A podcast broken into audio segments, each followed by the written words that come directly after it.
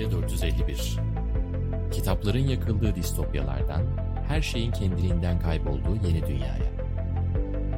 Hazırlayanlar Can Öz ve Ümit Alan.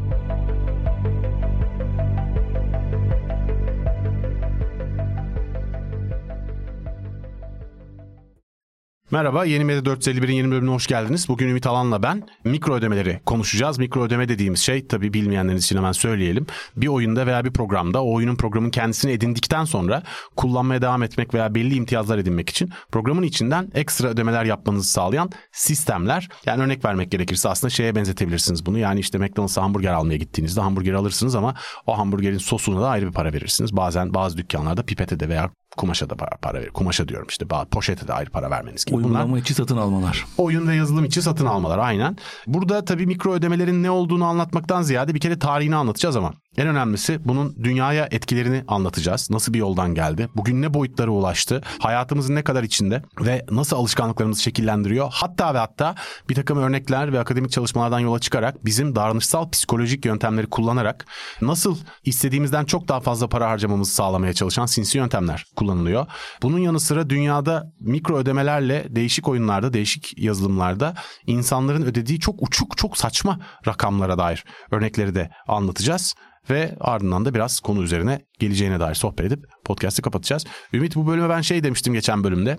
ChatGPT'yi kullanarak YouTube'da bir takım videoları ve makaleleri ChatGPT'nin yeni versiyonuna yükleyip comma separated values formatında benim için podcast'in içeriğini yazmasını isteyeceğim demiştim. Bunu yaptım. Hakikaten e, istediğim bütün videoları, bütün makaleleri yükleyebildim. ChatGPT'ye. Video yükledin, transkript mi çıkardın? Abi şöyle yükledim. Bir yazılım var. O yazılım YouTube'daki videoların generated yani içinde kayıtlı olmayan subtitle'larını, altyazılarını senin için CSV yani Comma Separated Values formatında e, text dosyasına çeviriyor.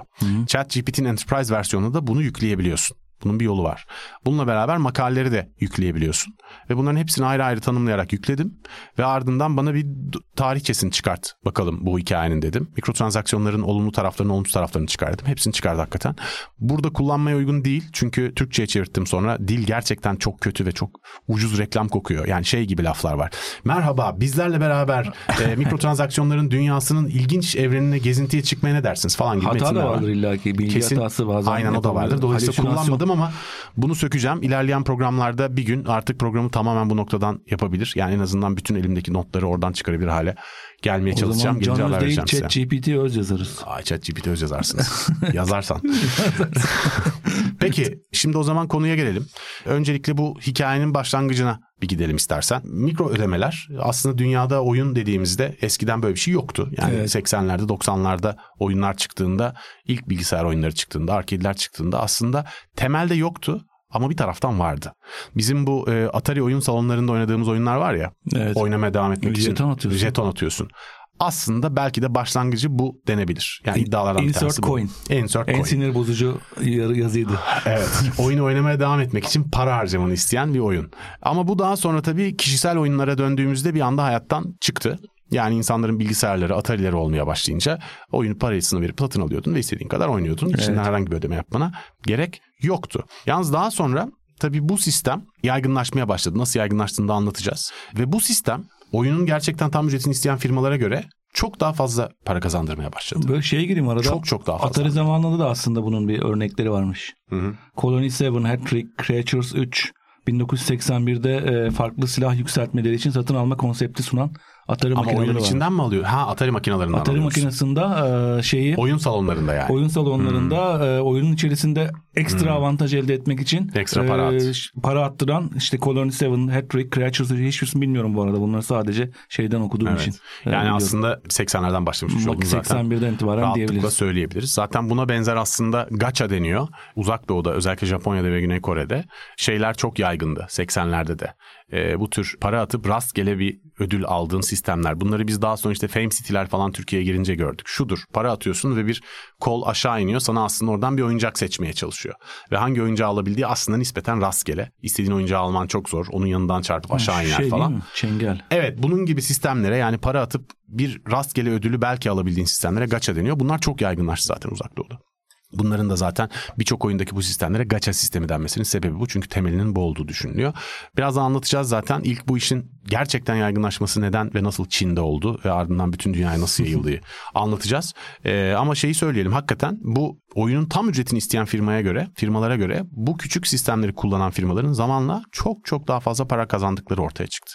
Aynı zamanda tabii oyuncuların hem en çok para harcadığı mekanizma ama en de çok nefret ettikleri mekanizma oldu. Yani dünyada oyunlarla ilgili en çok tepki alan konular hep bu oyun içi ödeme mekanizmaları. Oyuncular sömürüldüklerini düşünüyorlar veya hatta aslında tam bir oyun alamadıklarını düşünüyorlar ve çok örneği oldu bunun. Bu tartışmalarla çalkalanırken mesela en son dünyada Baldur's Gate 3 diye bir oyun çıktı. Bu oyun hiçbir mikro ödeme sistemi olmayan ve ödediğin parayla oyunun tamamını satın alabildiğin gerçekten mükemmel bir oyun. Ben oyunu oynayıp tamamını oynayıp bitirdim. Ne, ne kadar fiyatı acaba? Yani fiyatı da Hat, hatırlamıyorum ama 60 dolar falandır yani dışı fiyatı. Şu anda FIFA'ya falan bakıyorsun 2000 liraya 1500 liraya oyunlar, ya o civardadır. oyunlar da pahalı. O civardadır tam evet. hatırlamıyorum. Yani ucuz bir oyun değil ama yani o parayı verdikten sonra bir daha bir kuruş para harcamana gerek yok ve oyunu belki yüzlerce saat oynayabiliyorsun. Gerçekten benim hayatımda evet. oynadığım e, yani 90'ların başında oynadığım oyunlardan beri en çok zevk aldığım oyun olabilir. Ama içinde tatsız bir para isteme makası yok yani hiçbir şekilde. Hiçbir makas evet. yok ve bu oyunun iyi olduğu için ama iyi olduğundan da çok bu sinsi yöntemlerin hiçbirini kullanmadığı için oyunu oyuncuya vermek ve iyi bir oyun yapmak için ekstra para asla talep etmediği için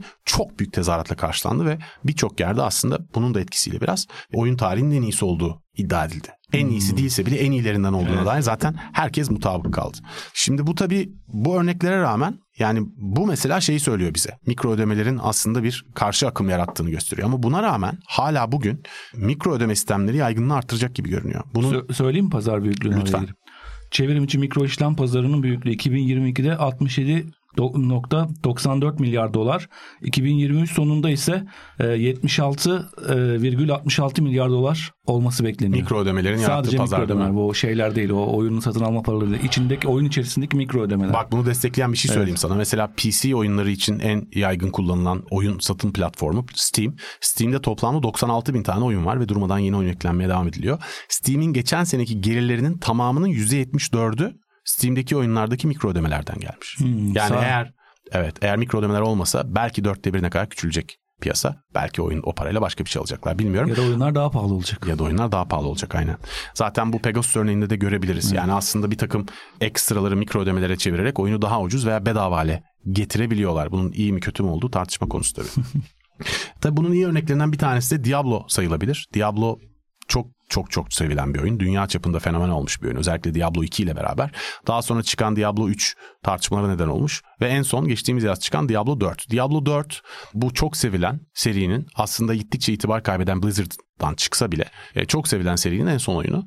Blizzard tarihinin yani StarCraft'ları, Warcraft'ları ve Diablo'ları çıkaran firmanın tarihinin en hızlı satan oyunu oldu. İlk 5 günde 666 milyon dolar ciro elde etmişler. Tabii bu tabii şeytan göndermesi falan bu bir PR hamlesi gibi görünüyor ama tam o rakamı denk getirip açıklamaları ama yani çok büyük para kazandıkları kesin. Bu oyun içinde pek bir mikro ödeme sistemi olmayan yani küçük kozmetikler var işte bir kıyafetler mıyafetler ama oyunla ilgili herhangi bir avantaj sağlayan bir sistem olmayan aslında parayı verdiğin zaman oyunu tamamen doyumunu oynayabildiğin bir oyundu. Sonra sezonları açıkladılar. Sezonlar Battle Pass denen bir sistemle artık her 3 ayda bir eğer para verirsen oyunda çıkan yeni içerikleri oynayabildiğin bir sistem getirdiler. DLC diyorlar ona. DLC, DLC ama ücretli DLC. Evet, ücretli. Ve her 3 ayda bir tekrar çıkacağı garanti olan bir Hı-hı. sistem bu. Ve bunun benzeri olan Path of Exile oyununda da aslında aynı sistem evet. var ve başarıyla yürüyor. Burada bu sistem açıklandıktan sonra ve oyuncular da bunun oyuna çok bir şey katmadığını fark ettikten sonra Diablo'nun aktif oynanma oranı dünyada %95 oranında düşüyor.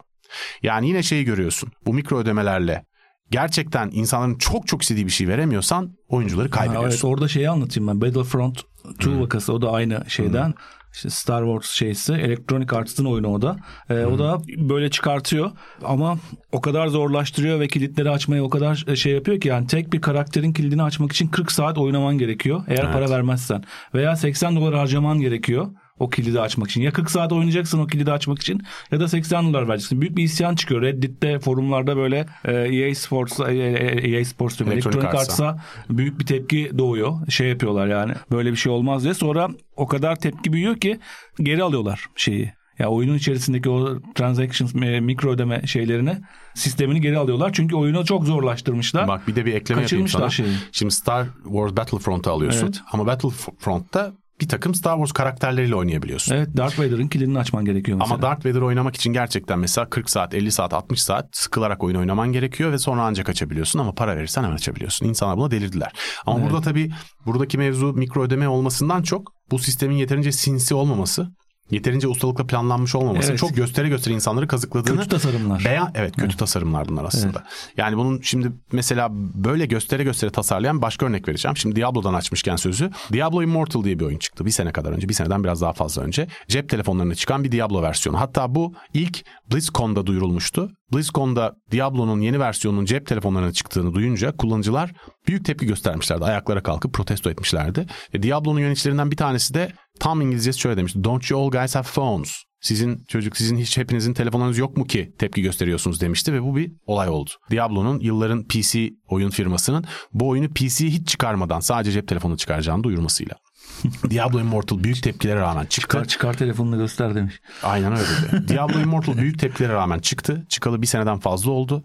Ve bu süre içinde şu an geldiği nokta bir sene geçmiş olmasına rağmen her gün 2 ila 3 milyon dolar arasında kar yaratmaya devam ediyor şu an. Bir cep telefonu oyunu olarak. Evet. Bu tabii çok ilginç bir olay çünkü Diablo 4 oyunu satın aldığında kazandırdığı parayla 666 milyon dolar kazandırmıştı. Şu an sezondan o kadar para kazandırmıyor. Ama Diablo Immortal tamamen bedava. Çok tepkiye rağmen çıktı ama ve iğrenç bana sorarsan. Ama buna rağmen dünyanın en hızlı para kazanan birkaç oyundan bir tanesi şu an. Evet. Şimdi bu çok enteresan. Yani burada bütün bu firmalar şeyi görüyorlar. Yani mikro ödeme sistemleri büyük tepki alsa da eğer iyi tasarlanırsa çok para kazandırabilir. İyi nasıl tasarlandığını sana birazdan soracağım. Ama şunu Şu söyleyeyim. türlerini de söyleyelim öncesinde. Neler abi? Tabii, Mikro, yani bu mikro ödeme türlerinin e, şeyleri, e, mikro işlemler demiştik. Ben onların hepsini anlatmak için sözü Evet. sana bırakacağım. Tamam. Sen de onunla ilgili çok iyi bir hazırlık olduğunu biliyorum. Diablo'da şöyle bir bilgi daha vereyim son olarak. Bu bedava oynanan bir oyun. Dolayısıyla aslında hiç para harcamadan da oynayabilirsin. Ama çok fazla geliştiremezsin karakterini. Ama para harcayarak karakterini geliştirmenin sonu yok. Senin birazdan da anlatacağın whale, balina denen e, harcama yapan insanlara yönelik çok tuzak var içinde. Yani bunlar arasında işte mesela %800 değer e, hemen alın gibi anlık ve e, süreli teklifler gelmesinden başka bir sürü şeye. Şunu söyleyeyim karakterini tamamen geliştirmek için oyuna para harcayarak sadece geliştirmek için harcaman gereken toplam para ne kadar tahmin et. Yani alabileceğin her şeyi alıp karakterini yapabileceğin en yüksek seviyeye çıkarmak. 100 doların üstündedir. 600 bin dolar. Oyunun içi tek bir kişi için diyorsun değil mi Tek bir bunu? kişinin tek bir karakterini maksimum seviyeye çıkarması için harcaması gereken para 600 Böyle bin dolar. manyaklar vardır kesin. Var bir sürü insan Yani çıkarmış o seviyeye. Belçikalı bir çocuğun 46 bin dolar harcadığını görmüştüm bir ayda. Okumuştum Evet, bir çok daha fazla harcayanlar var ya. Bu inanılmaz bir sistem yani. Ve bu bu bu bu paraları harcamaya çalışan insanların bütün parasına talip olan dev firmalar böyle gözleri fıldır fıldır dönen firmalarla karşı karşıyayız. Şimdi bu dolayısıyla bu şeyi anlatıyor bize. Yani bu oyunlara çok sık tepki geliyor olmasına rağmen oyun firmaları Steam datasından da senin biraz önce verdiğin datadan da gördüğümüz üzere gözlerini buraya dikmiş durumdalar. Ve buradan diğer oyunlardan olduğundan çok daha garanti ve sürdürülebilir uzun vadeli para kazanıyorlar. Evet. E, bunun kısaca bir tarihini anlatmak istiyorum ama e, ondan sonra mı sana bırakayım şey için sözü? Yoksa şimdi mi anlatmak istersin? Bunun psikolojik etmenlerini. Yok psikolojide türlerini anlatmak lazım belki de. Yani şimdi tarihini tarihinde geçiyor mu türleri? Hayır sana bırakayım. Sen o zaman bir türlerini anlat istersen. Ben Şimdi çok bir- konuştum zaten. Ekstra süre vermek, ekstra can vermek. Yani bir ödeme yapıyorsun, ekstra süre alıyorsun bir görevi tamamlamayla ilgili ya da can e, alıyorsun. İkincisi kozmetik güncellemeler. Yani senin avatarını değiştiriyor. Bir takım ona kozmetik değişiklikler yapıyor. Herkesten farklı oluyorsun oyun içerisinde. E, olma imkanı sağlıyorsun. Senin para ödediğini e, de dışı başkaları da görüyor böylece. Bir bu hileli bir şey oyun içi para birimi. Hepsinde şöyle bir şey var. Oyun içi para birimi var. Ben bunu e, zaten yazmışlar da. Kumarhanede marka verirler ya gerçek Aynen. parayla oynamazsın. Aynı mantık. Yani şey mesela 100 dolar veriyorum. Bana işte 2000 oyun içi para veriyor. Evet, evet. O hem daha fazla görünüyor hem oyunu parayı nasıl kazandığımı harcam yani harcadığımı anlamıyorum. Evet, bu şey Yani- gibi alışveriş merkezlerinde saat olmaması gibi kumarhanelerde de para görmezsin aslında. Parayı Kaybetmemen gereken şeyi görmüyorsun. evet. İşte o oyun içi para birimi oluşturma çok büyük hilelerinden, türlerinden biri. Yani bir para birimi olacak. O harcayacaksın, harcadığını anlamayacaksın. Bu şeyde de var ya. e, Şey yapay zeka, üretken yapay zeka araçlarında da ben mesela görsel almak için bir para ödedim şeye. Stable Diffusion'a. Ama orada bir, para verdiğim para 10 dolar diyelim. Ee, 10 dolar değil garip bir rakam var orada. O rakam azalıyor kendi kendine ama ben 10 doları nasıl harcadığımı bilmiyorum. Bir, bir görsele mi dolar veriyorum? Aynen. 10 görsele mi dolar veriyorum? Çok Onu daha rahat harcamaya gizliyor. başlıyorsun. Evet. Bir de başka bir şey söyleyeyim. Mesela buralarda şöyle numaralar yapıyorlar. Bunu mesela bu mikro ödemelerde çok artık sadece bununla yaşayan Lost Ark diye bir oyun çıkmıştı. Güney Amerika oyunu. Daha sonra Amazon Smilegate ile anlaşıp bunu bütün dünyada da çıkardı. Rusya'da da çıkmıştı falan. Şimdi mesela şöyle sistemler var abi bu oyunlarda. Sen diyelim ki oyun içinde oyun içi para birimi var. Diyelim ki paranın adı Ümit. Tamam mı? Evet. Ümit demişim seni satın almak falan olacak falan. İğrenç çok kusura bakma bunu geri aldım. ama- Yani paranın birimi işte mesela şey ne bileyim ben altın tamam mı? Diyor ki sana oyun işte bin altını sana pardon bin, bin altını sana işte mesela 10 dolara veriyorum. Ama oyunun içinde sattığı ürünün fiyatı ne biliyor musun? 1050 altına satıyor herif. Sen 10 doları aldığını anlamıyorsun. Hayır 10 dolar yetmiyor abi. Yetmiyor ya biraz daha alman lazım. İki tane alman E, lazım. 50 altında alamadığın için iki tane alıyorsun o 1050'lik Evet. için. Yani o öyle bir ayarlıyorlar ki o işi senin alman gereken parayla o parayı kullanarak satın alman gereken şeylerin e, o keki çok daha yüksek bir yere çıkıyor. Kargo fiyatını eklemek gibi. Evet Alışveriş dolayısıyla sitelerinde. sonunda senin cüzdanında harcamadığın para kalmaması için aslında mesela 1000 altın değil mesela 7000 altın alman lazım. Yoksa Şeyde o paranın kısmı orada boşta kalıyor falan. Yemek sepetindeki promosyonlarda da var bu. Var değil mi? Yani yemeğe ekliyorsun ekliyorsun bir yere tamamlaman lazım. Şu kadara şu kadar bedava diyor Aynen. ya. Ama bir tamamlıyorsun onun şeyine de çıkıyor. Aynı şey. Ee, sonra ekstra içerik vermez. Bu biraz önce söylediğimiz DLC ile ilgili. Özel öğeler, özel silahlar vermek. Bunları da mikro e, işlemlerle yapıyorsun. Ama bunların bence en tehlikelileri zaten bu çalışmalar hep bununla ilgili. Bu loot box denilen ganimet sandıkları. Bir sandık açıyorsun. Onun kenarından ışıklar falan çıkıyor böyle Gacha parlıyor, çağırıyor. işte. şey. Rastgele bir e, şey çıkıyor içinden. e, İçinden rastgele bir şey çıkıyor. Ve bu e, oyuncak sektöründe de şu an inanılmaz bir çılgın vaziyette. Ben işte 6 yaşında bir çocuğum oldu. Abi için bu Panini biliyorum. kartları aslında böyle çalışıyordu. Magic the O Gathering'de böyle O çalışıyor da öyle. aslında. Şimdi şeyler o Veya Yu- ne, Yu-Gi-Oh falan. bebekler, şey bebekler Aynen. hepsinin böyle içi görünmeyen bir kaplaması var. Kocaman bir şey. Onu çocuğun açma deneyimi var bir defa. Hepsini Aynen. tek tek şeylere sarmışlar kağıtlara. Çocuk onu açarken işte aynısında evde olan bir karakter mi çıkacak? Başka bir şey mi çıkacak? Aynen. Onun heyecanına kapılması. O çıkmayınca, istediği çıkmayınca bir daha almaya teşvik edilmesi ve çok ucuz şeyler de değil bunlar. Aynen. Yani Türkiye'deki bütçeleri düşününce bunlar var. Ee, deneyim puan arttırıcı bir tanesi mikro işlemlerle ilgili. Ee, işte deneyimi ve puanı arttırıyor şeyin içerisinde, oyunun içerisinde ve senin de biraz önce söylediğin ödülün kaldırılması. Ödülü veriyor. Bu teklif 10 dakika için geçerlidir diyor. Aynen. E, verdim sana geri alacağım ödeme yapmazsan. Sen de o sırada işte e, o şeyle birazdan bahsedeceğimiz psikolojik zaaflarla atlıyorsun. Bu ödülün kaldırılması şeysi var. Zaten bak bu Evet. şey çok ilginç. Bu senle izlediğimiz öbür videoda o 2014'te e, Evet. oyundaki bütün psikolojik kullanılan sistemleri anlatan İsveçli adamın anlattığı Evet. videoda mesela adam şeyi anlatıyordu. İnsanların yeni bir şey için para vermektense cebindekini kaybetmemek için para verme eğilimi çok daha fazladır. Evet. Diyordu ve mesela şunu anlatıyor. Diyor ki mesela oyunda şu yeni ürünü şu fiyata veriyoruz dediğinizde asla kabul etmeyen insanlar şu ürünü size veriyoruz ama bu bölümü geçebilirseniz sizin olacak dediğinizde o bölüm çok zorsa o bölümü geçememeleri halinde o bölümü geçmek için ekstra oynama hakkı için para harcamaya çok daha meyilli oluyorlar diyor. Evet. Yani şeye bakar mısın sinsiliğe? Ne kadar iyi düşünülmüş bir sistem. Şeye de benziyor bu. Marketlerde aslında hiç ihtiyaç olmadığı halde bu Amerika'da çok denenmiş bir sistem. E, bundan sadece 10 tane alabilirsiniz diyor. Tabii. Mesela bir çorap koyuyor sadece 10 tane alabilirsin diyor. Sen de 11 tane alamayacağın için bir anda 8 onu- alacaksan 10 alıyorsun 8 değil mi? alacaksın onu tamamlıyorsun. O, şey, o şekilde gidiyor. Bu da o- onunla ilgili. Ve şu sıralar Halloween dönemindeyiz ya şu anda. Çok göreceğimiz bir şey yine mikro ödemeyle ilgili. Özel Cadılar gün, Bayramı'nı mı diyorsun? Cadılar Bayramı özel gün temaları. Yani oyunlara özel gün temasını ödeme yaparak almak. Noel'de de çok oluyor. evet. Ee, Noel'de oluyor işte Yılbaşında da Halloween'da oluyor. Yılbaşı her, e, o dönemlerde bu temalar da satılıyor. Yani bunlar ilk başta çok saçma geliyordu bana. Yani bu insan neden o işte Cadılar Bayramı, Şükran Günü, Noel için ya öyle görünsün diye niye para öder diye. Ya bir oyundaki görüntünü değiştiren bir kozmetik için niye para ödersin? Ve ödüyorlar. Ben bunu hala anlamıyorum. Bana çok aptalca geliyor bu. Yani bu oyunu Evet. daha oyunda daha iyi oynamak için, daha hızlı oynamak için veya ne bileyim mesela Path of Exile'da şey alırsın. Eşyalarını koymak istediğin stajyer şeyler, kutu yani saklayabileceğin yer hakkı alırsın mesela. E bu senin için oyunu çok daha oynanabilir yapıyor. Ama Evet. oyunda orada tanımadığın bir takım muhtemelen bir takım dallamaların yani tahmin ediyorum. Senin giydiğin kıyafeti gördüğünde wow demesi bilmem Çin'in Şangay'ın bilmem ne mahallesinden birinin.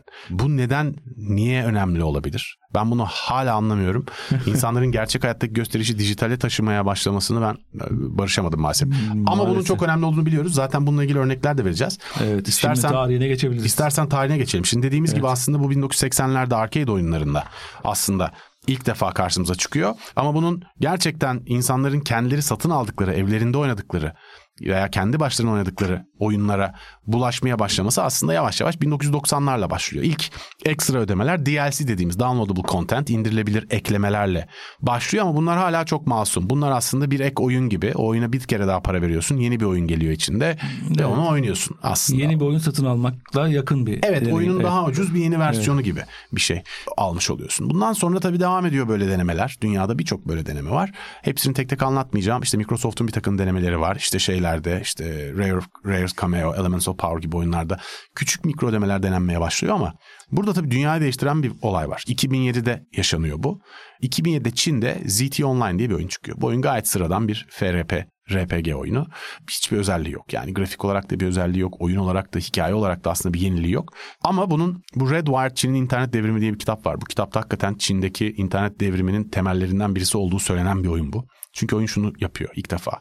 Tamamen ücretsiz ve tamamen ücretsiz olmasına rağmen oyunun içinde bir takım silahları, bir takım ekleri yani oyunda işine yarayan şeyleri parayla alabiliyorsun. Şimdi bu oyun aslında gayet sıradan bir oyun olmasına rağmen bir anda günde 3 milyon aktif kullanıcıya ulaşıyor ve aylık 16 milyon dolar kar elde etmeye başlıyor çat diye çıktığı sene içinde. Bu da bütün dünyanın gözünü buraya çeviriyor ve hatta bununla beraber dünyanın bu tarihlerde aşağı yukarı değiştiğini söyleyebiliriz. Böyle çılgın şeyler, çılgınca şeyler niye hep Çin'de başlıyor? Abi çünkü yasal sınırlamalar ve endişeler çok daha az. Ya beni hep dikkatimi çekmiştir. Çılgınlıkların ilk şeyse genelde Çin e, ya da uzak doğuda bir şeylerden geliyor. Kendi özgü regülasyonları olan bir kültür Evet. zaten.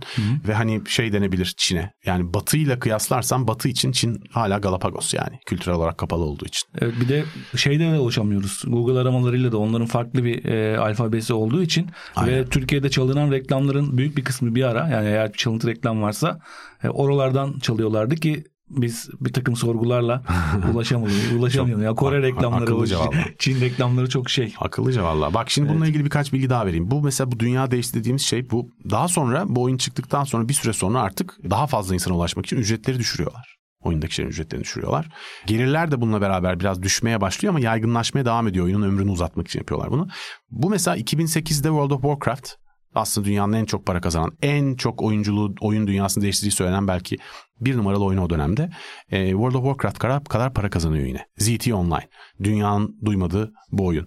Ve zaten bununla beraber gacha sistemi gibi sistemlerin de yaygın olduğu uzak doğuda, Japonya ve Kore'de yayılıp e, bu tür oyunlar, bu tür fikirler uzak doğuda kabul görür hale geliyor ve bugün de hala zaten bunun en çok kabul gördüğü yer bu tabii şu açıdan önemli bir devrim. Bunu da eklemek lazım. Şimdi bunun çıktığı tarihlerde 2007'de dünyada e, aslında birçok insan oynamak istediği oyunları oynayacak bilgisayarları alamıyordu. Bilgisayar oyun Evet. bilgisayarı daha yeni ve hala pahalı bir şeydi. Dünya ekonomik olarak bugünden daha fakirdi. O yüzden zaten her yerde internet kafeler vardı hatırla. İnternet kafenin temel sebebi buydu. Yani insanların işte PlayStation, Xbox veya oyun bilgisayarına veya oyun oynayabileceği cep telefonuna sahip olmaması. Oyun oynamak isteyen buralara gitmek zorundaydı. Birincisi bu. İkincisi de oyunlar da pahalı geliyordu.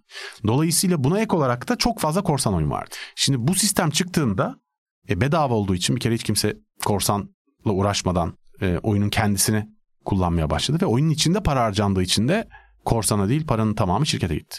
Şimdi bu korsana bir çözüm olarak çıktı aslında o tarihte birçok firma için. Yani hem çok para kazandıran bir sistemdi hem de evet işte korsanla uğraşmadan para kazanmanın yöntemi olarak bütün dünyanın gözünü buraya çevirdi. Şimdi bunun devamı oldu tabii dünyada. Bunun devamı en büyük adım bundan sonra 2009'da geliyor.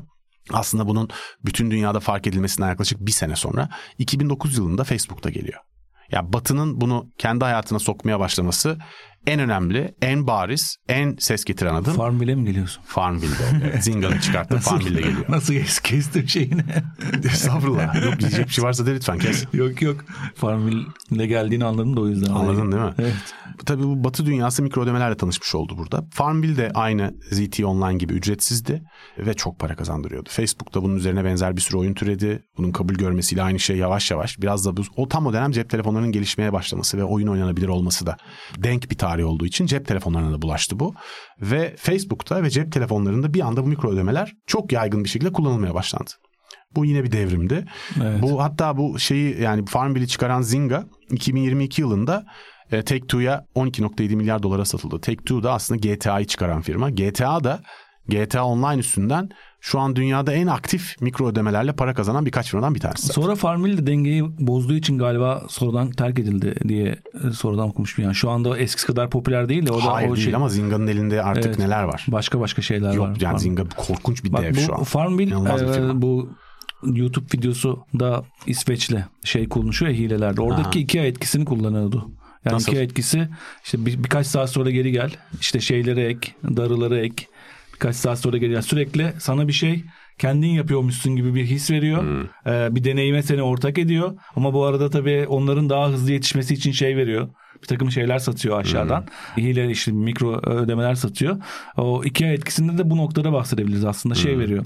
Kendin yapmanın şeyi Kendin cazibesi yapmanın yani. hazzı şeyi o hatta şeylere kadar gösterebiliriz bunu. Tamagotchi diye bir şey vardı ya böyle. Hı, aynen. Bir cihazı besliyordun ölüyordu 25 falan. sene önce falan değil mi ilk çıkmıştı Evet, onlar? o herkes de vardı bir ara böyle bir Evet, evet, öyle. şey mamasını ve çocuklara sorumluluk öğretmek gibi bir şey Ya vardı. hatırlamıyor musun eskiden mı bak acaba? Milliyet Gazetesi şey verirdi benim çocukluğumda. Böyle bir karton bebek verirdi. Sonra hafta sonlarında o bebeklerin kıyafetlerini verirdi. Sen o kıyafetleri kendin kesip üzerine yapıştırırdın. Yani o kıyafetli Ha. halini vermektense kıyafetini ayrı verirdi. Ben de Milliyet Gazetesi'nde bunun reklamlarından bir tanesini oynamıştım. Cidden mi? Ama abi, abi çok aradım bulamadım. Bak çok aradım. Ya keşke bulabilsem. Bu, bu arada yani şey yapalım. Yani dinleyicilerden 90'ların başlarında Milliyet Gazetesi'nin reklamlarına ulaşım konusunda yol gösterebilecek kimse varsa. Yani Milliyet çıkarsa. Gazetesi'ne tanımdan tanıdığım gazetecilere falan bir sürü insana ulaştım bulamadım. Ee, Karton evler verirlerdi. Şey bunu söyleyince aklıma geldi. Gazetelerin kuponla bir şey vermesi de aslında bir tarz mikro ödeme sayılmaz mı? tabii ki. Tek tek e, ben bir tencere veriyor ama 3 ay kupon topluyorsun falan. Tabii ki, çok bir benzer. an o arada gazete deneyimini de alıyorsun. Gazete okuyormuş gibi yapıyorsun. Evet bir ödülle Şeyde- seni aslında Evet. satın almaya teşvik etmek için kullanılan sinsi yöntemler. Bunlar Evet. aslında çok eski yöntemler zaten. Evet. Yani bu bonolarda bile yapılan bir şeydi zamanda. Kuponlu bonolar vardı falan biliyorsundur bunları. Şimdi buradan şeye devam edelim. Zinga'nın bu gelişmesi tabii çok büyüttü bu işi. Bundan sonra bu PC oyunlarına da gerçekten yayılmaya başladı. Bunun önemli etkilerinden bir tanesi. Ya bunun bir sürü küçük örneği var yine. İşte Bethesda, Elder Scrolls, Oblivion, mikro ödemeler geldi bilmem ne falan. Electronic Arts da tabii burada önemli bir adım oldu. 2009'da Electronic Arts'ın içinde FIFA Ultimate Team diye bir mod çıktı. Bu mod ekstra para vererek oynayabildiğin ama o parayı verdikten sonra özgürce oynayabildiğin bir moddu. Bir sürü futbolcu var. O futbolcular çıkıyor rastgele. Onları geliştiriyorsun kartlarla falan. Evet. 2011 yılında FIFA Ultimate Team'i ücretsiz bir eklenti haline çevirdi FIFA. Yani oyuna alan herkesin e, oyunun içindeydi. Yine para vererek aldığın oyun ama. Ama içindeki kartları para verip açtığın paketlerden çıkar hale getirdi. Evet. Bu FIFA'nın kaderini değiştirdi. Çünkü bugün FIFA her sene Ultimate Team'i çıkarıyor ve her sene Ultimate Team'den 1,5 milyar dolar para kazanıyor. Ben iyi bir FIFA oyuncusuyum. Benim hiç dikkatimi, ilgimi çekmedi mesela o iş. Ama Ben birileri- 2009'dan birileri çok başlayarak oynadım. Çok sevdim. Ama sonra bu para ödeyerek yapılan şeye gelince çok soğudum açıkçası. Yo, para ödemeden önce de ben öyle kart açmayı mart açmayı şey yapmıyordum. Hoşuma gitmiyor yani o, o olay. Ben çocukken futbolcu kartı biriktirdik ya Panini tarzı ama bunun yerel versiyonları. E, onlarda bir tanesinde şey vardı. Herhangi bir takımın ilk 11'ini tamamlarsan gönderiyorsun. Futbol topu gönderiyorlar. Ya. Onu almaya çalışıyorsun ama bir, bir kart muhakkak eksik. Ya da Tabii. çok az basılmış. Bir de şöyle bir hilesi vardı. Bir vardı yanında çizgi vardı. 11 yazmamış da bir ve çizgi yazmış. Hatırlıyor musun? Ee, akşam gazetesinde Nazlı Ilıcak'ın Mehmet Ali alacak. Televizyon olayı mı? televizyon veriyorum dedi ve her gün millet kuponları topladı ama son gün gazeteyi çok az sayıda bastı ve kimse televizyonunu alamamıştı. Hatırlıyor Ben musun? onun filmini çekmek istiyorum ya. Aa, çok acayip Ee, Çok güzel. Eskişehir'de mesela Bilecik'teydi o televizyonların fabrikası. Ee, markası da söylemeyeyim şimdi. Ee, Eskişehir'de insanlar otobüs tutarak fabrikaya baskına gittiler. Ben o günün filmini çekmek isterim mesela. Ben bir şey söyleyeyim mi sana? Bütün bu yani bu kuponlar veya bu atıyorum şeyler ne olmuştu? Todex hikayesi. Evet. İşte yok Jet Fadıl'lar bilmem neler falan. Aa, bu şeyin bir lafı vardır meşhur banker Castelli'nin şey diye. Ben aslında sadece beni dolandırmaya çalışan insanları dolandırdım diye. Biliyor musun? Evet. Yani çünkü Evet. elindeki bir şeyi maalesef parası Kolay olmadığı kazanç. için çok ucuza elden çıkartmak zorunda kaldığıyla dolandırmaya başlıyor herkese. Yani bu bu sistemler. Bütün Mikro bu sistemler. işlemlerden girip bu reklamcı Abi tarlalardan çıkacağız yani. Team'ler işte bu bilmem mikrotransaksyonlar, oyunlar biraz önce bahsettiğimiz gibi sinsi sistemler falan bunların hepsinin böyle olduğu açık ama dünya insanlık tarihi zaten e, parasal veya cinsel olarak herkesin zaten sizi bir şekilde kandırmaya çalıştığı bir hikaye. Evet. Ve bunların oyununa gelen insanların oturup kendini suçlaması lazım diye düşünüyorum ben. Muhakkak regülasyonlar gerekiyor. Hı-hı. Ayrı Hollanda'da ve e, Belçika'da bu senin bahsettiğin kutu açmalar yasak. Kumar ve çocuklara kumar oynatmak evet, yasak. Belçika'da zaten soruşturma başlamış. Ee, evet yani şey bunlar muhakkak evet. gerekiyor ama bunlar olsa bile bunun yenileri her zaman gelecek ve insanların oturup bu sistemleri bu firmalara işte Ultimate Team'de çok para kaybettim. E, vay şeytanlar falan. Abi sen gerizekalısın. Ben öyle düşünüyorum açıkçası. Aynı şey bahis için de geçerli. İşte psikolojik zaaflarımızdan kaynaklanan ee, Yani göstere şey. göstere kullandırtıyorsun. Yani insanların evet. kendi sorumluluklarını tamamen üzerlerinden atıp bu firmalara yüklemesi de gayet gereksiz, gayet yanlış olduğunu düşünüyorum. İnsanlar kendi paralarına, kendi zihniyetlerine bağlı kalmaktan sorumlular. Ve bu firmalar elbette ki şeytani ama Hı-hı. yani kardeşim gerizekalı olmayın siz de. Yani şey burada var böyle hikayeler. Yani Even'i ipotek ettirip oyunda asteroid almış herif. Yani öyle yani. akademik şey çalışmalar da var onun psikolojisiyle ilgili. Yani şey mi e, zaten doğuştan kumara zaafı olan insanlar mı bunlarda daha çok yanılıyor?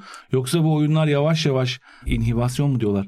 Yavaş yavaş o şeyle e, bu alışkanlığı bu oyunlar mı kazandırıyor diye. İkisi de. İkisi de bulgularda var şeylerde ve tamamıyla psikolojimizle ilgili aslında. Şimdi bu Electronic Arts'ın bu e, Ultimate Team'i PC'ye aslında yaygın olarak getirmesinden sonra tabii birçok oyun bunu yapmaya başladı gittikçe. Ya bunların tabii önemli örneklerinden bir tanesi de 2013'te Counter Strike'da başlayan sandık açma sistemi. Bu da bana sorarsan dünyanın en aptalca para harcanan şeylerinden bir tanesi. Counter Strike'ı biliyorsun oyunu. Evet. İşte silahlar var, bıçaklar var, bombalar var. Karşı karşıya geliyorsun. Herkes birbirini öldürmeye çalışıyor. Efendim? Sis atma Orçun onda mıydı? evet aynen. Ve ya bu, bu tabii çok fenomen bir oyun. Her gün bir milyon kişi canlı olarak mutlaka e, en az bir milyon kişiye yakın dünyanın her yerinde oynuyor bunu. Ya yani 800 bin falan. Dünyanın en uzun zamandır devasa kitlesini tutan oyunu. Ve burada şöyle bir şey var. 13 2013 yılında çıkan şey şu. İşte para veriyorsun bir kutu veriyor sana veya oyundan başarılı evet. olduğun için düşüyor ama anahtar için para vermen lazım falan filan. Para harcıyorsun ama sonuçta. O kutuyu açtığın zaman içinden bir silahla ilgili bir skin deniyor Türkçesi cilt mi artık nedir bilmiyorum. Yani onun rengini şeklini değiştiren sadece kozmetik bir ürün çıkıyor. İşte senin bıçağın kırmızı oluyor. Anladım. Veya senin silahın üzerine bir çıkartma yapıştırıyorsun. Tekstürü. Hiçbir şey değiştirmiyor oyunla ilgili. Burada ama mesela bazısının çıkma olası mesela 357 milyonda bir düşme olası da olacak kadar az bulunur şeyler var bu kutuların içinde. Ve insanlar bu kutuların içindekileri çıkartmak için e, yüz binlerce dolar para harcadılar. Ve bu kutuların içinden çıkan şeyleri de daha sonra Steam Marketplace üzerinden başka insanlara da satabiliyorlar. Ve çok büyük bir ekonomi oluşturdu bu.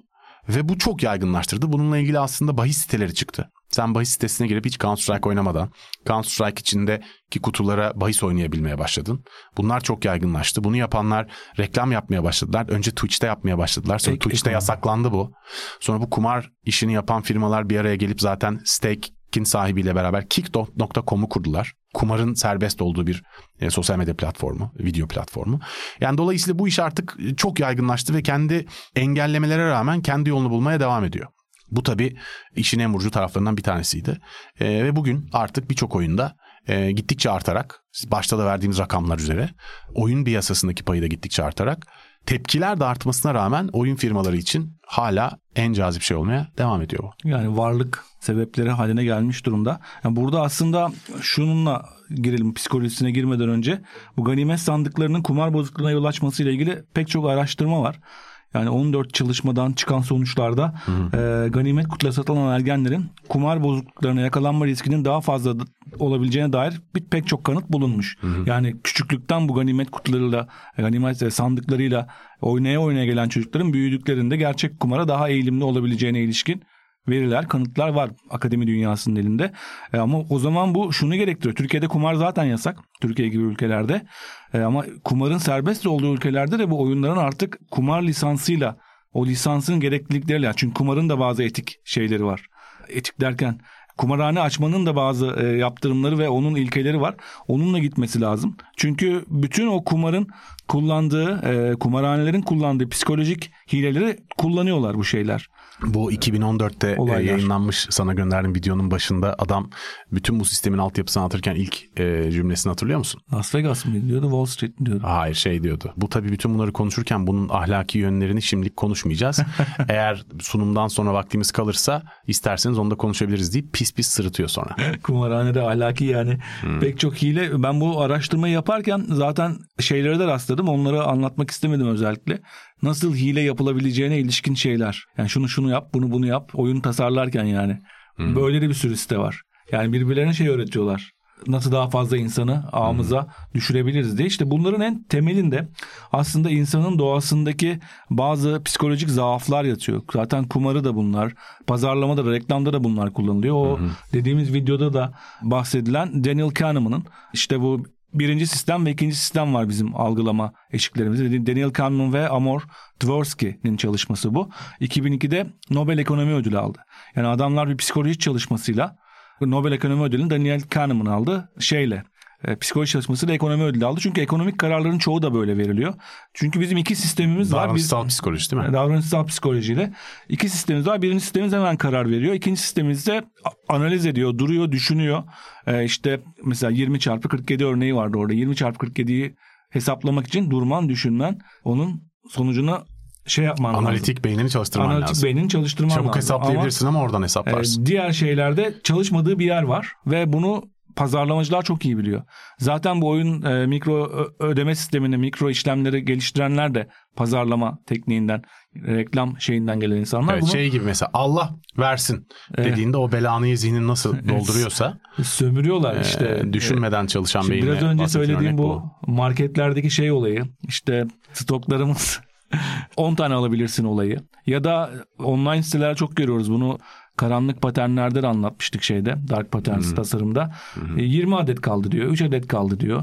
Ama ertesi gün baktığımızda o tekrar artabilir. Yani seni orada az kaldığını hissettirerek bir anda ilk sistemle şey yapıp "Aa, başka bir siteden alırım ya da zaten yarın yeniden bu stok yenilenir deme şeyini engelliyor. Çapalama vardı yine orada anlatılan. O çapalamada işte oyunun başlarında bir yerde sana bir paketi 50 dolar gösteriyor. Sen onu bir görüyorsun. Aa çok pahalı bu aptallar alır bunu anca diyorsun. Ama oyunun ortalarında bir yerinde aynı paketi 15 dolara indirmiş bir şekilde karşına çıkartıyor. Aa bu sefer bir şey kazandım çünkü benim şeyim çapayı 50 dolara attım. Ve onun alınmaz olduğunu düşündüm. Ee, geldim 15 dolara aldım. Belki onun fiyatı gerçekten 15 dolardı. Bunlar soyut şeyler yani. Oyun içinde karakteri değiştirmek için, oyun içinde süre almak için tamamen soyut bir şey. Bir maliyeti olmayan bir şey o oyun e, tasarlayan insana. Böyle oraya çapalayarak oradan seni kandırmanın yolunu arıyor. Bunlara uyanık olmak lazım ama ta zaten bunlara girenler e, çok da uyanık olmuyorlar. Bir yerde Ee, beynin o sistemini Aynen. kapatıyorsun. Yani bu mutlaka devletler ve hükümetler tarafından regüle edilmesi gereken şeyler olduğu gibi aynı zamanda insanların da e, kendi e, şey gibi bu. Yani uyuşturucu bağımlılığı gibi. Yani kendi verdikleri kararlara dair de sadece e, bu şirketlerin şeytanlığına dair sorumluluk atmaması, insanların bireylerin de bu sorumlulukları olduğunu da atlamamak gerekiyor. Yani e, aptal olmayın kardeşim. Bu kadar. Yani bu kadar kullandırtmayın kendinizi bir zahmet. Birazcık uyanık olun yani.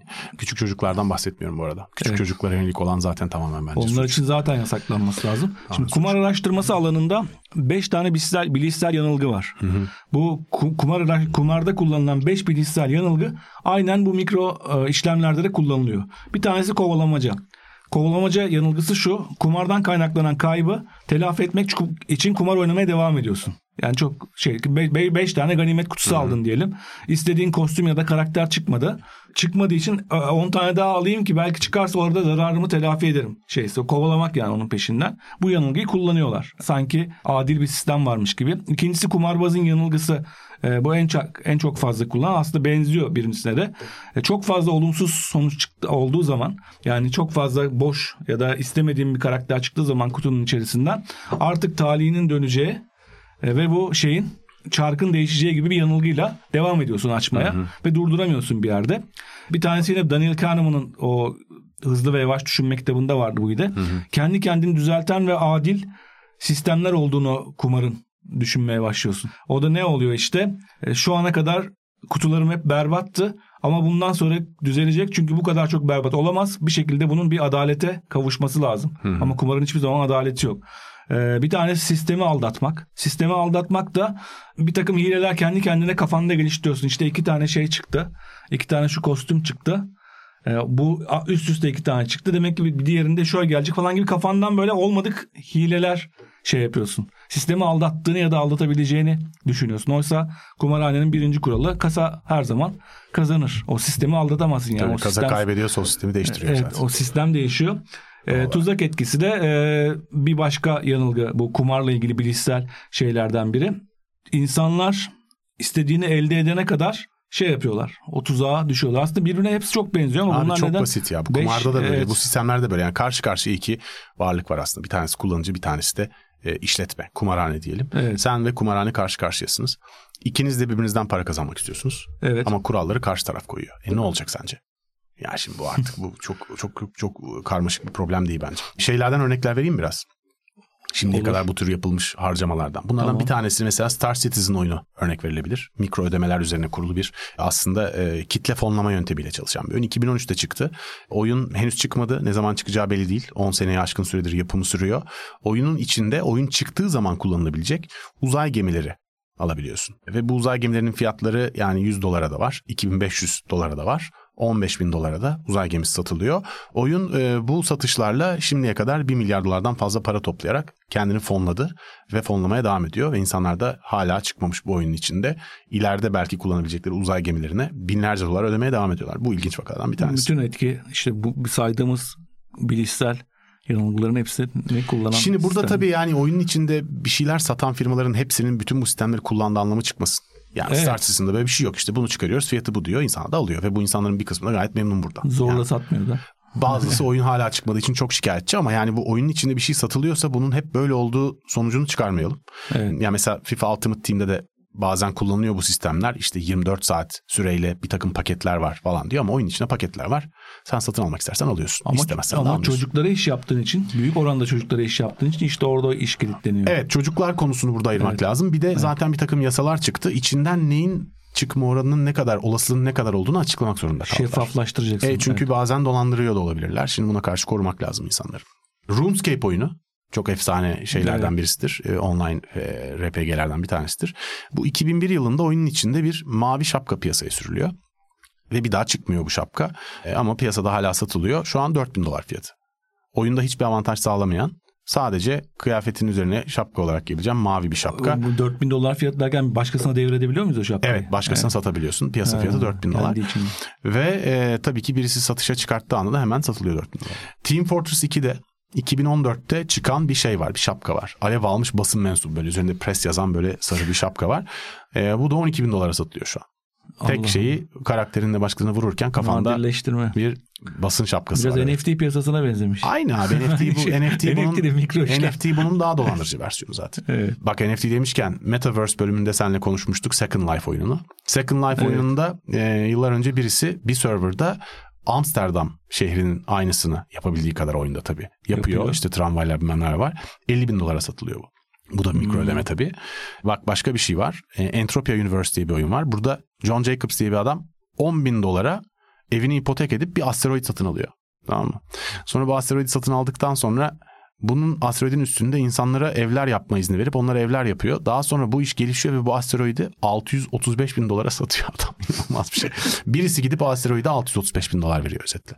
Evet. Bunlar arasında mesela iyi örneklerden bir tanesi EVE Online'dır. EVE Online bir uzay gemisi ve savaş simülasyonu biraz oyun bilenler bilir. Ben hiç tahammül edemediğim derecede komplike ve yavaş bir oyun ama e, çok seveni var, çok hastası var. E, burada bir dönem altın kaplama ve benzeri az bulunan Gold Magnate adlı bir gemi çıkmıştı. 33.500 dolara satılmıştı bu da. Oyunda geminin altın kaplı şey gibi Nusret'teki şeyler gibi gerçekten. Etin yani. üzerine altın serpmek kadar saçma. Evet yani bir de altın nedense tamamıyla görgüsüzlüğün sembolü oldu ya bütün dünyada artık ilginç bir şekilde. Metal diyorsun. Evet ama bu EVE Online tabii ilginç bir oyun. Bu EVE Online'da çünkü gemilere hakikaten gerçekten para harcayabiliyorsun. Oyuna para harcayabiliyorsun. EVE Online'da bir gün iki ayrı grup bütün gemileriyle bir yerde savaşıyorlar. Epik bir savaş bu ve burada bir sürü gemi yok oluyor. Yapımında para harcanmış gemi yok oluyor.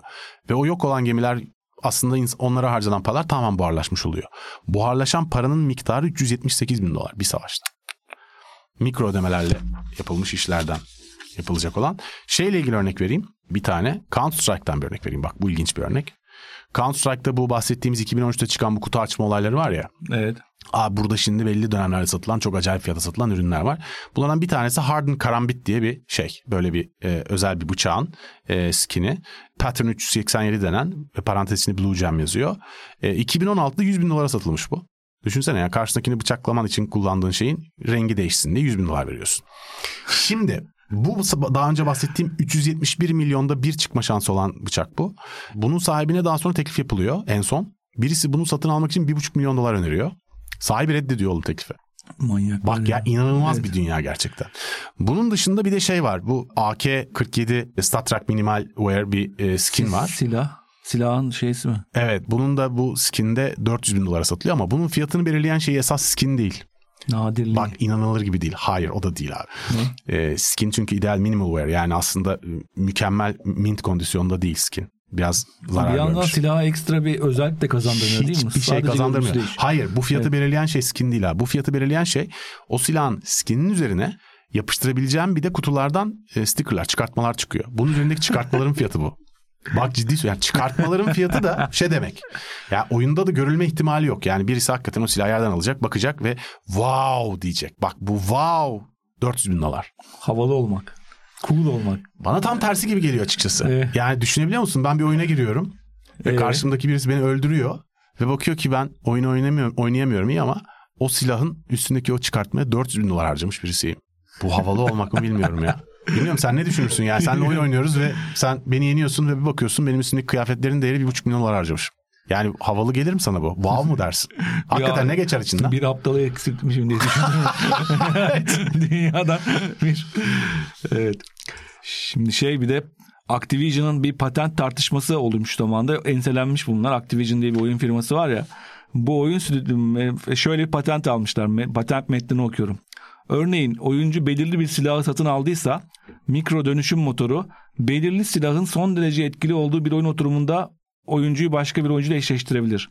Bu oyuncu yani böylece ne yapıyor? Bu oyuncu benzer oyun sonuçları elde etmek için gelecekte satın alımlar yapmaya teşvik edilebilir. Bu patenti almışlar. Sonra bir gazeteci bunun peçine düşmüş bulmuş.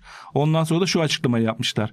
Bu patent oyun stüdyolarından bağımsız olarak çalışan bir ARGE ekibi tarafından 2005, 2015 yılında sunulan bir keşif patentiydi. Oyun içinde uygulanmadı. Hmm. Yani buralara gidiyorlar aslında bu şeylere, bu hilelerinin patentini alacak kadar çıldırmışlar. Bir de şimdi bu senin dediğin büyük alımları yapanlara balina deniyor aslında bu sektörde. Evet. Balinalar bunların asıl hedefleri ve bunlar e, aslında şeyin mobil oyuncuların %0.15'ini oluşturuyor. Ama bu %0.15 tüm oyun içi gelirlerin %50'sini oluşturuyor.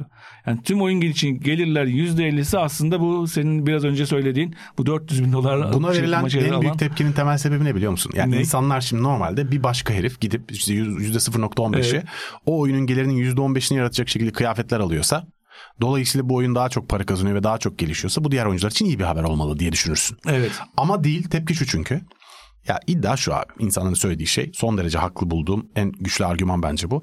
Abi denen şey şu biz normal hayatta zaten müthiş bir eşitsizlikten muzdaribiz. Yani bir sürü çok daha zengin insan çok daha imtiyazlı insanın altında bir şekilde eziliyoruz aslında. Evet. Ee, ve bu oyuna girdiğimizde sadece o küçük dünyada bu dünyadan kendimizi soyutlayıp o anki becerilerimizle bir yere çıkma şansımız var. Ama aynı şeyi bunları yaparak siz bu oyuna taşıyorsunuz. Çok zenginler gelip oyunda da çok daha az eforla bizim üstümüze çıkıyorlar. Şimdi bu tabii çok büyük bir tepki yaratıyor insanlarda ve çok haklı bir tepki. Yani Yani bu- ama bunun dengesini soyutlayamıyorsun dünyayı hayatından. Yani illa bir yerlerden bir takım zenginler karşısına çıkıp senden daha iyi arabalar, senden daha iyi evler, senden daha çok imtiyazla hayatlarını geçirdiklerini senin gözüne sokmaya devam ediyorlar. Aslında bu kıyafetin şovunu yapmak nedir ki zaten? Neyin şovunu yapıyorsun?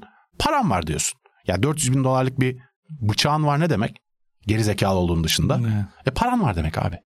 Karşısındakine de yok senin paran diyorsun. topun sahibi olan çocuğun Topun oyunda sahibi olan çocuğun- şey olması gibi. Şey evet top Messi formasıyla gelmesi gibi. yani. oyunun oyun lideri olması gibi. Ama bunun dengesini bozduğunda da her zaman aslında batıyorsun. Çok zorlaştırırsan sadece onları para verenlerin iyi elde konum elde ettiği bir oyun haline getirirsen de diğerleri kaçıyor. Bu sefer de sen Burada iş modelin çökmüş oluyor. Bunun geleceğinde yine büyük bir tartışma var. Yani şimdi gördüğümüz üzere Batı bunları birçok alanda hızla regüle etmeye çalışıyor. Yetişebilecek Evet. yetişemeyecek ayrı mesele. Ama bunun yarattığı da yine şöyle bir ikilem var. Yapay zekada da konuşmuştuk yine aynı ikilem vardı. Hatırlarsan aslında kişisel haklarla ilgili Batı sistemleri ve algoritmaları çok regüle ederken Çin bunu yapmadığı için bütün kullanıcılarının bütün verilerini gözetleyerek Batı sistemlerinden çok daha gelişmiş bir algoritmayla TikTok'u çıkardı ve Batı'yı tokatladı. Evet. Şimdi yapay zekada da benzer bir risk söz konusu. Batı ahlaklı olacağım derken aslında müthiş bir e, alan vermiş oluyor Çin'e ve Çin belki yapay zekada Batı'yı bu yüzden geçecek. Bu sistemlerde de aslında Batı bütün bu regülasyonları yaparken Çin'de bunun tamamen serbest olmasından ötürü bu sistemler insanların para harcama eğilimlerini nasıl suistimal edeceklerine dair kendilerini çok daha fazla testle, çok daha özgürce geliştirecekler ve dolayısıyla yine Çin bu alanda öne geçebilecek. Dünyanın yaşadığı şu ikilem de herhalde en acıklı ikilem olsa E, gerek. Burada kimin tarafında olacağız? Abi distopik Batı'nın bir dünyaya gitmemek olmamız. için distopik bir dünyayı kabul etmen Batı'nın gerekiyor tarafında bence. olmamız gerekiyor. Oluyoruz bazen ama Yok. Batı'nın da bir anda bir herhangi bir olaylarda bir iki yüzlülüğü ortaya çıkıveriyor. Abi Batı iki yüzlü da falan değil bak. Batı Ukrayna-Rusya savaşıyla zaten batılı olmaktan vazgeçti.